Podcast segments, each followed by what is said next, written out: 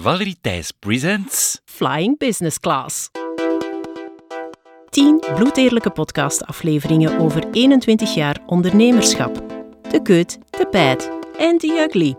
Want ondernemen in 2002, dat was totaal verschillend van ondernemen nu.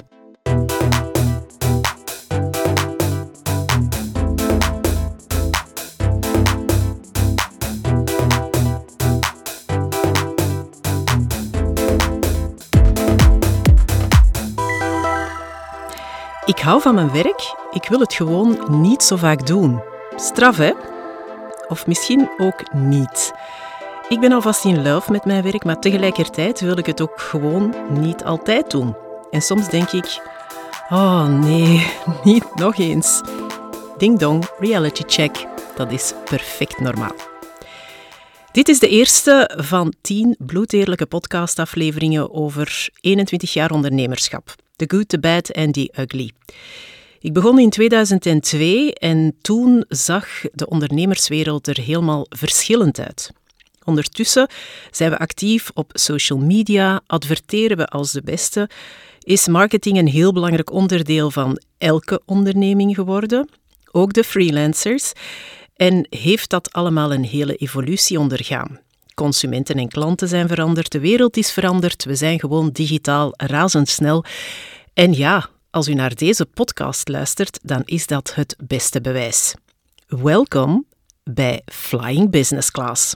Oh, good news. There are two seats available in business. Choose a job you love and you will never have to work another day.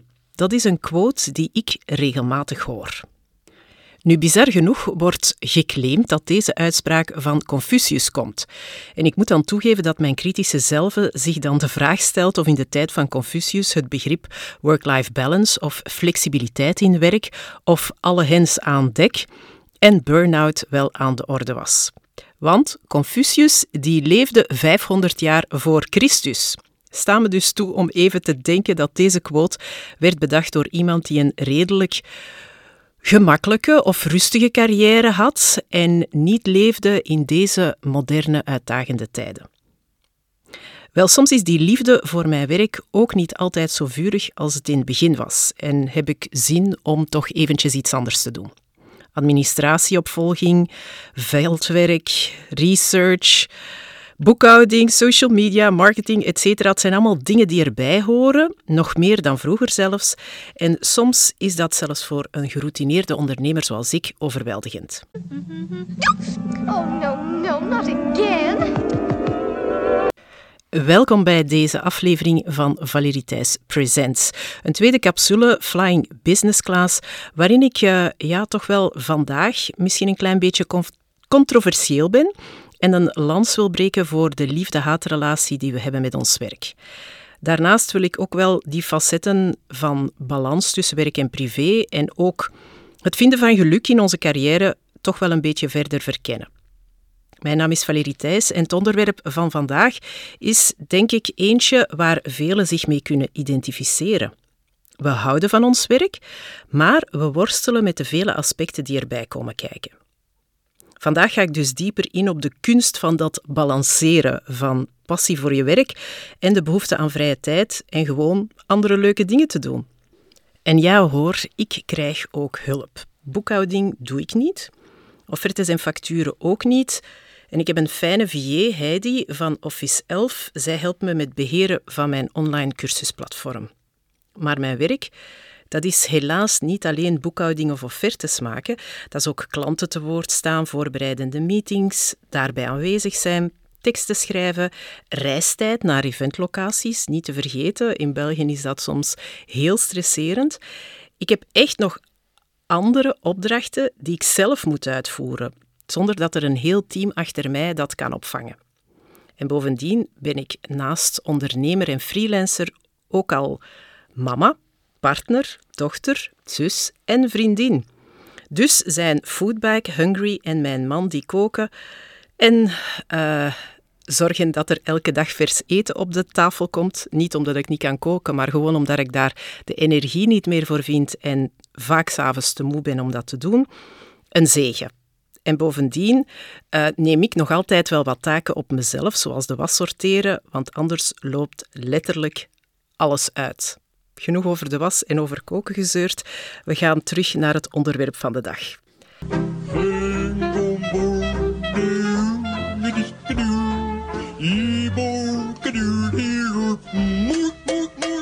Het geluk hebben een baan te hebben die jou gelukkig maakt, dat is echt wel een zegen.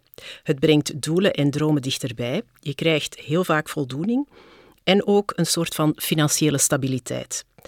Maar wat gebeurt er als plezier in je werk botst met af en toe toch wel dat gevoel dat het toch niet dat is? Of dat je in een emotionele rollercoaster zit waarin je van je werk houdt, maar toch die overweldiging voelt door de eisen die worden opgelegd. Zelf heb ik het gelukkig niet ervaren, maar burn-outs zijn niet meer te tellen. Dus er zijn echt wel mensen die daar last van hebben. Mensen die leven onder een constante druk. En hoewel ik geen burn-out heb gehad, voel ik dat toch ook wel. Bijvoorbeeld mijn nek en mijn schouders die zitten constant vast. Als ik mij laat masseren, zegt mijn masseur elke keer hetzelfde. Ik krijg dat niet losgemasseerd. Ik sport bijvoorbeeld ook niet zoveel als ik zou willen. En ik betrap mezelf erop dat ik heel vaak onvoldoende tijd neem om me echt te ontspannen of zelfs een maaltijd te nuttigen tijdens de dag. Die overbelasting die kan zijn tol eisen, zowel mentaal als fysiek. Mijn gezin bijvoorbeeld heb ik van het begin van de pandemie tot eind vorig jaar amper gezien. De aanvragen voor presentaties zijn in die periode voor mij verdrievoudigd en ik kon echt bijna niet meer volgen. Als sommigen zeggen dat ze tijd hadden om hun zolder of hun kelder op te rommelen en op te ruimen, dan had ik amper tijd om mijn eigen bed te zien. Maar ik klaag echt niet. Hè. Ik deed het omdat ja, die onvoorspelbaarheid van de maatregelen in onze sector, uh, de evenementensector, zo groot was en dat ik niet nee wou zeggen. Een beetje misschien ook uit angst voor wat er nog allemaal zou komen, want dit was nog nooit gebeurd, een sector dicht doen. En we waren niet de enige. Misschien ging de sector weer helemaal dicht of zouden de aanvragen op een bepaald moment stoppen. Die onvoorspelbaarheid die dwingt u soms in bepaalde situaties en bepaalde keuzes te maken. Ik moet echt toegeven, de dag van vandaag dat mijn klanten in die periode echt op de eerste plaats kwamen. Dan mijn gezin en dan pas ik zelf. Maar dat was op den duur een onhoudbare situatie geworden. Na 560 events op iets meer dan twee jaar tijd moest ik ook toegeven aan mezelf dat de hoge concentratie vereiste, want je moet jezelf altijd goed voorbereiden, al die reistijden en de tijd weg van huis, en al die dingen die je energie geven op een gezonde manier, sport, beweging, gezonde voeding, slaap, dat die er niet genoeg waren en dus dat al die andere factoren hun tol begonnen te eisen. Ik vind ook dat van je werk houden niet betekent dat je er gewoon ook alles voor over moet hebben. Ik snap dat er in bepaalde periodes harder gewerkt moet worden, maar dat is niet het enige. Je werkt om te leven en niet omgekeerd. Het stellen van gezonde grenzen, dat is echt essentieel. En het bewaren van dat evenwicht tussen uw passie voor uw werk en uw persoonlijk leven, dat is een moeilijke evenwichtsoefening, maar dat is echt de moeite waard om dat eens te gaan onderzoeken. Ik heb zelf een paar tips van een aantal mensen opgestoken de voorbije jaren. En het eerste daarvan is geen meetings voor 11 uur. Ook niet op locatie, maar ook niet thuis. Of op de plek waar ik aan het werken ben. Want als het op locatie zit, dan moet je rekening houden met file. En als je thuis zit, dan ga je meteen aan de slag als je begonnen bent.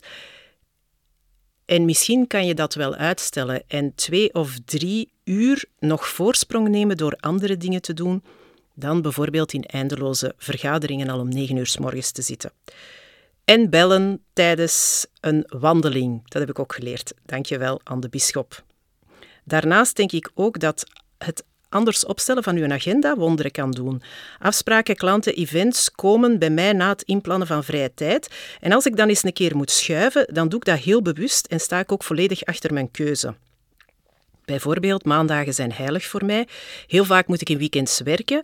Of zijn er dingen die voor de kinderen belangrijk zijn of voor het gezin. En dan wil ik die trage start op maandag mezelf wel echt gunnen om die week heel fijn en goed aan te vatten. Ik heb ook nee moeten leren zeggen en dat is echt wel een moeilijke. Nee tegen klanten, nee tegen mijn kinderen, nee tegen mijn partner, mijn vrienden. Nee, nee, nee en nog eens nee. nee. What doesn't spark joy wordt niet altijd opgenomen in mijn dagelijkse to-do-lijst. En ja, soms is dat dan eens een feestje missen of geen extra prikkelingen aanvaarden. Je kan maar zoveel doen tot je eigen vat leeg is, maar heel vaak zien andere mensen dat niet en zijn die teleurgesteld. Ja, ik pak dat erbij, want bij een decompressie, verlies in de cabine, ja, dan moet ik eerst mijn eigen zuurstofmasker opzetten en daarna dat van de mensen waar ik zorg voor draag. En zolang ik dat, niet, dat mechanisme niet toepas op mijn dagdagelijks leven, ga ik altijd zonder of met te weinig zuurstof zitten. Mannen durven soms zeggen happy wife, happy life, maar ik wil er nog eentje aan toevoegen. Happy mom, happy kids. Want dat is ook belangrijk. Hè? We mogen niet vergeten dat we ons heel vaak wegcijferen, ook voor die kinderen. En dat is natuurlijk een persoonlijke keuze van kinderen te hebben. En je moet daar natuurlijk ook die verantwoordelijkheid dragen. Maar soms moet je ook goed voor jezelf zorgen, in de eerste plaats, om dan een betere moeder te kunnen zijn. I love you, mommy. En dan komt er nog een ander aspect van het moederschap boven, hè, dat schuldgevoel naar mijn kinderen toe. Ik heb af en toe extra zuurstof nodig en ja, dan kan het zijn dat ik even voor mezelf moet kiezen.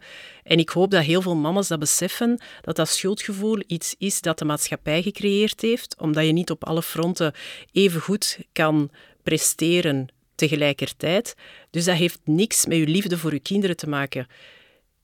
Je bent mama in de eerste plaats, maar je bent ook naar jezelf een aantal dingen verschuldigd.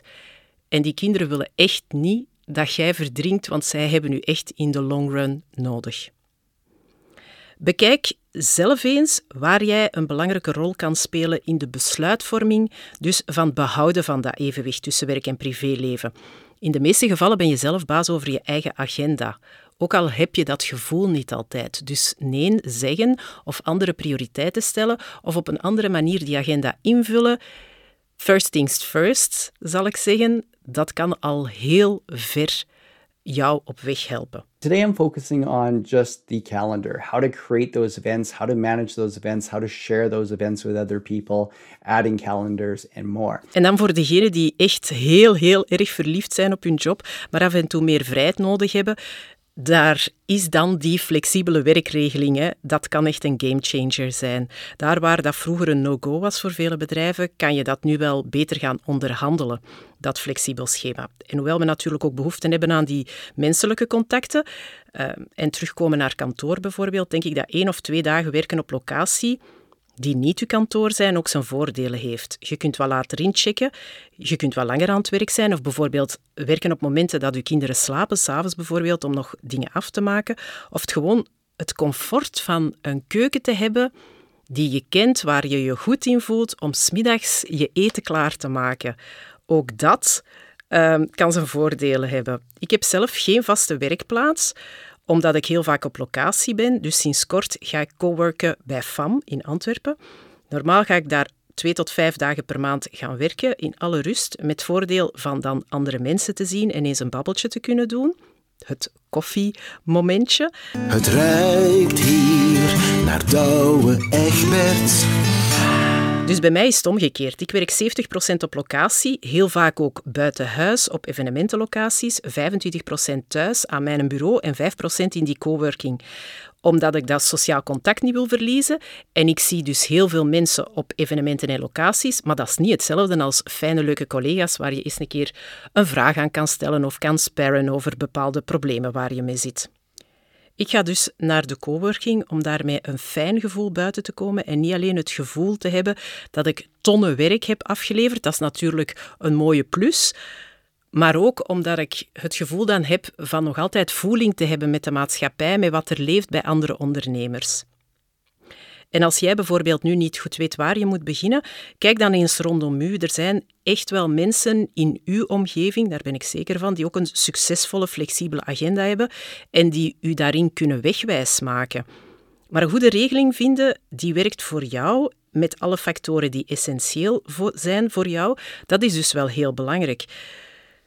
Een goed gesprek hebben, dat wil ook zeggen spreken met de mensen uit jouw directe omgeving. En als die niet echt ja, meegaand zijn of begrijpen waar jij mee struggelt of wat je zou willen oplossen, dan is een groep gelijkgestemden buiten die dichte omgeving dan ook wel een oplossing om steun te vinden en je te informeren. All right, team, let's boogie. En dan kom ik bij het laatste punt dat ik vandaag met jullie wil delen. Het is echt essentieel om passies en interesses buiten het werk te hebben. Om een gezond evenwicht te vinden tussen werk en privé.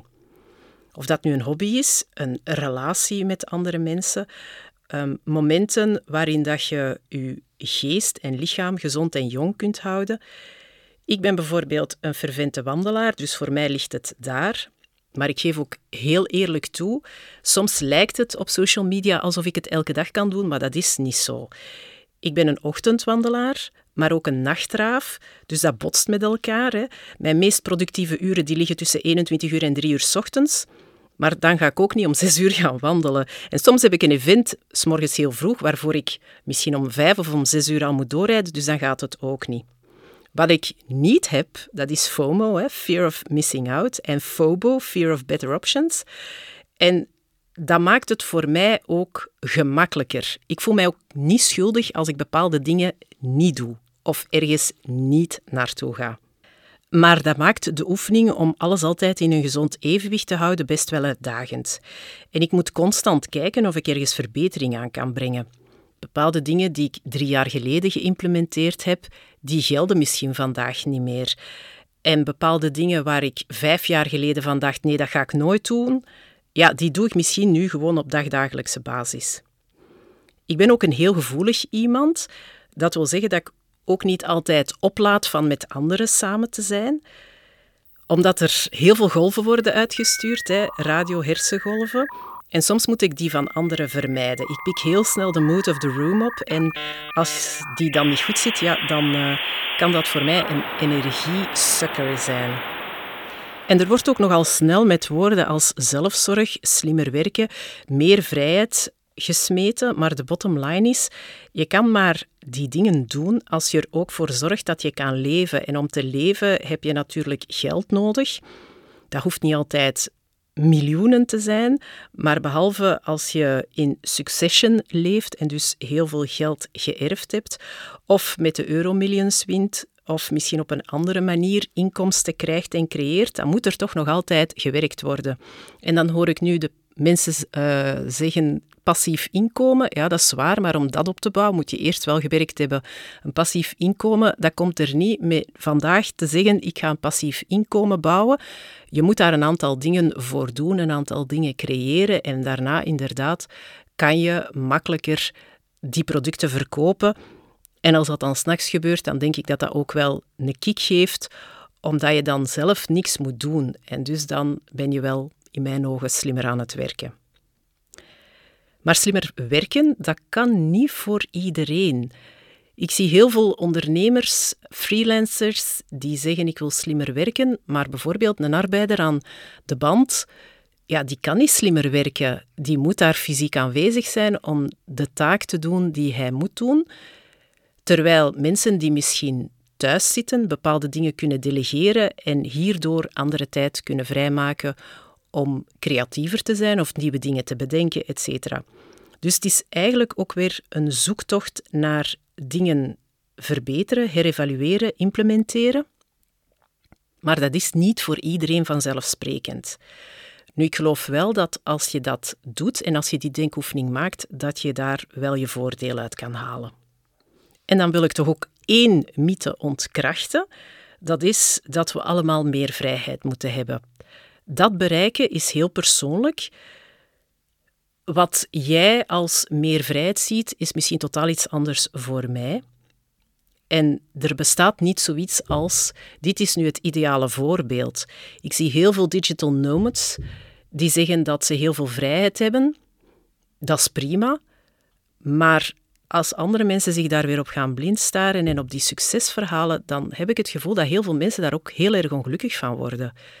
En je moet echt je eerste miljoen niet verdienen in de eerste drie jaar van je activiteit of je ondernemerschap. Iedere situatie is anders en er is echt geen standaard. We zijn nu uiteindelijk tot de conclusie gekomen dat doen waar jij je goed bij voelt, dat dat goed is. En dan gaan we zeggen tegen de mensen dat ze moeten doen zoals wij of zoals iemand anders. Daar ben ik een klein beetje tegen. Iedereen zijn situatie is anders. Er is echt geen standaard. Ik wil wel minder werken, maar toch ook weer niet. Ik voel me eigenlijk heel vaak heel goed bij wat ik aan het doen ben, hoewel ik dan in de ogen van anderen die mij bijvoorbeeld op social media volgen, heel vaak niet thuis ben. Wel, thuis zijn is voor mij waardevol op de momenten dat ik dat graag heb. Dus daar moet ik mezelf geen vrijheid creëren. Ondernemers, intrapreneurs, werknemers, die maken elke dag die afwegingen, hoe ze zich beter kunnen organiseren, beter dingen kunnen regelen, etc. Dat geldt ook voor mij. Dus als jij daarmee struggelt, wanhoop dan niet. Hè. We struggelen allemaal. Vandaag gaat het iets beter, morgen kan het weer eens een keer tegenslag zijn, of omgekeerd. Een tip die ik daarin kan geven is dat je een goede community moet opbouwen. En netwerken. Ik ben zelf geen held in netwerken, of heldin in netwerken, beter gezegd. Ik heb dat moeten leren, maar mensen ontmoeten geeft frisse nieuwe ideeën. Geeft ook de zin om nieuwe dingen te ondernemen. Je kan geïnspireerd worden. En uiteindelijk, als je hulp zoekt, is dat vaak maar een paar telefoonnummers, Instagram-profielen of LinkedIn-aanbevelingen verwijderd van een oplossing. En als je me dus hoort zeggen, ik hou van mijn werk, maar ik doe het liever niet te vaak. Trouwens, een quote die ik ontleend heb van eh, kindactrice Gabby Hoffman, die acteerde heel lang geleden, voor zij die al een dagje ouder zijn, in Sleepless in Seattle en Freaky Friday. Dan bedoel ik niet dat ik geen zin heb om te werken. Ik werk soms heel hard, bij momenten heel veel, en dan boek ik enorm veel resultaten. Maar um, soms wil ik anders werken. En ja, ook soms minder en op sommige momenten keihard en dan weer niet. En vooral, ik wil de ruimte creëren om creativiteit te laten vloeien, om even andere indrukken te krijgen en vooral rond te kijken en mij te laten inspireren. En dat kan zijn door kunst, dat kan zijn door in een zwembad baantjes te gaan trekken en plots op een gek idee te komen dat ik wil uitwerken. Dat kan zijn door een koffietje te gaan drinken met iemand anders en zijn of haar verhaal te horen en daar een aantal punten uit op te nemen. Maar vooral, ik wil aangeven dat als je zoveel tijd van je leven besteedt aan je werk, dat het ook goed moet aanvoelen. En zoals met alles, kan het vandaag ook weer eens minder zijn, minder tof en dat is perfect normaal, dus voel je daar zelf ook niet schuldig door. Werken en iets doen wat we graag doen, ook al heb je soms een ander gevoel, ja, dat blijft nog altijd een geschenk. Er zijn heel veel mensen die niet kunnen doen wat wij kunnen doen. En ik zeg niet dat we alle hongersnood gaan oplossen of dat je je altijd schuldig moet voelen omdat iemand anders het minder goed heeft dan jij. Maar het is nog altijd iets waardevol dat we kunnen doen zonder dat we daar al te veel moeite voor moeten doen. De balans vinden dus tussen werk en prioriteiten, ook van jezelf houden en je mentaal welzijn bereiken, dat is echt wel een, een reis. En ik heb dat zelf ervaren als eentje waar turbulentie en luchtzakken af en toe voor een reality check zorgen. Maar werkleven kan leuk zijn. Maar, nog een maar, er bestaat een leven naast. En dan denk ik dat we moeten zeggen better done than perfect. En dus is het ook oké om eens een keer niet oké te zijn. Blijf daar vooral niet mee zitten. Hè. Ga daarmee of daarover in gesprek met anderen. Over wat je vooral bezighoudt, wat je struggles zijn. Want heel vaak is de oplossing niet zo heel ver weg en hoeft het niet altijd heel ingewikkeld te zijn.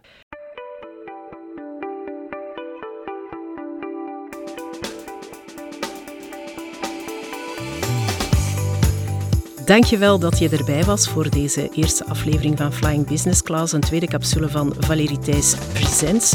Als je geen enkele aflevering wil missen, want er volgen er nog negen, dan kan je je best abonneren en dan krijg je bij elke nieuwe aflevering die automatisch gepusht. Als je een review wil laten, dat wordt ook heel erg geapprecieerd, want dan uh, komen we meer en hoger op de lijst uh, te staan en uh, kunnen meer mensen deze podcast ontdekken. En als je dan deze podcast wil delen of een screenshotje nemen dat je ernaar aan het luisteren bent in de auto, als je stilstaat uiteraard, dan kan je dat delen op je social media en dan kunnen jouw volgers misschien ook geïnspireerd raken door deze podcast. Hartelijk dank. Tot volgende week voor een nieuwe vlucht met een nieuwe bestemming. Valerie Thijs presents Flying Business Class. We thank you for flying with us today. We truly appreciate your business and look forward to serving you on a future flight.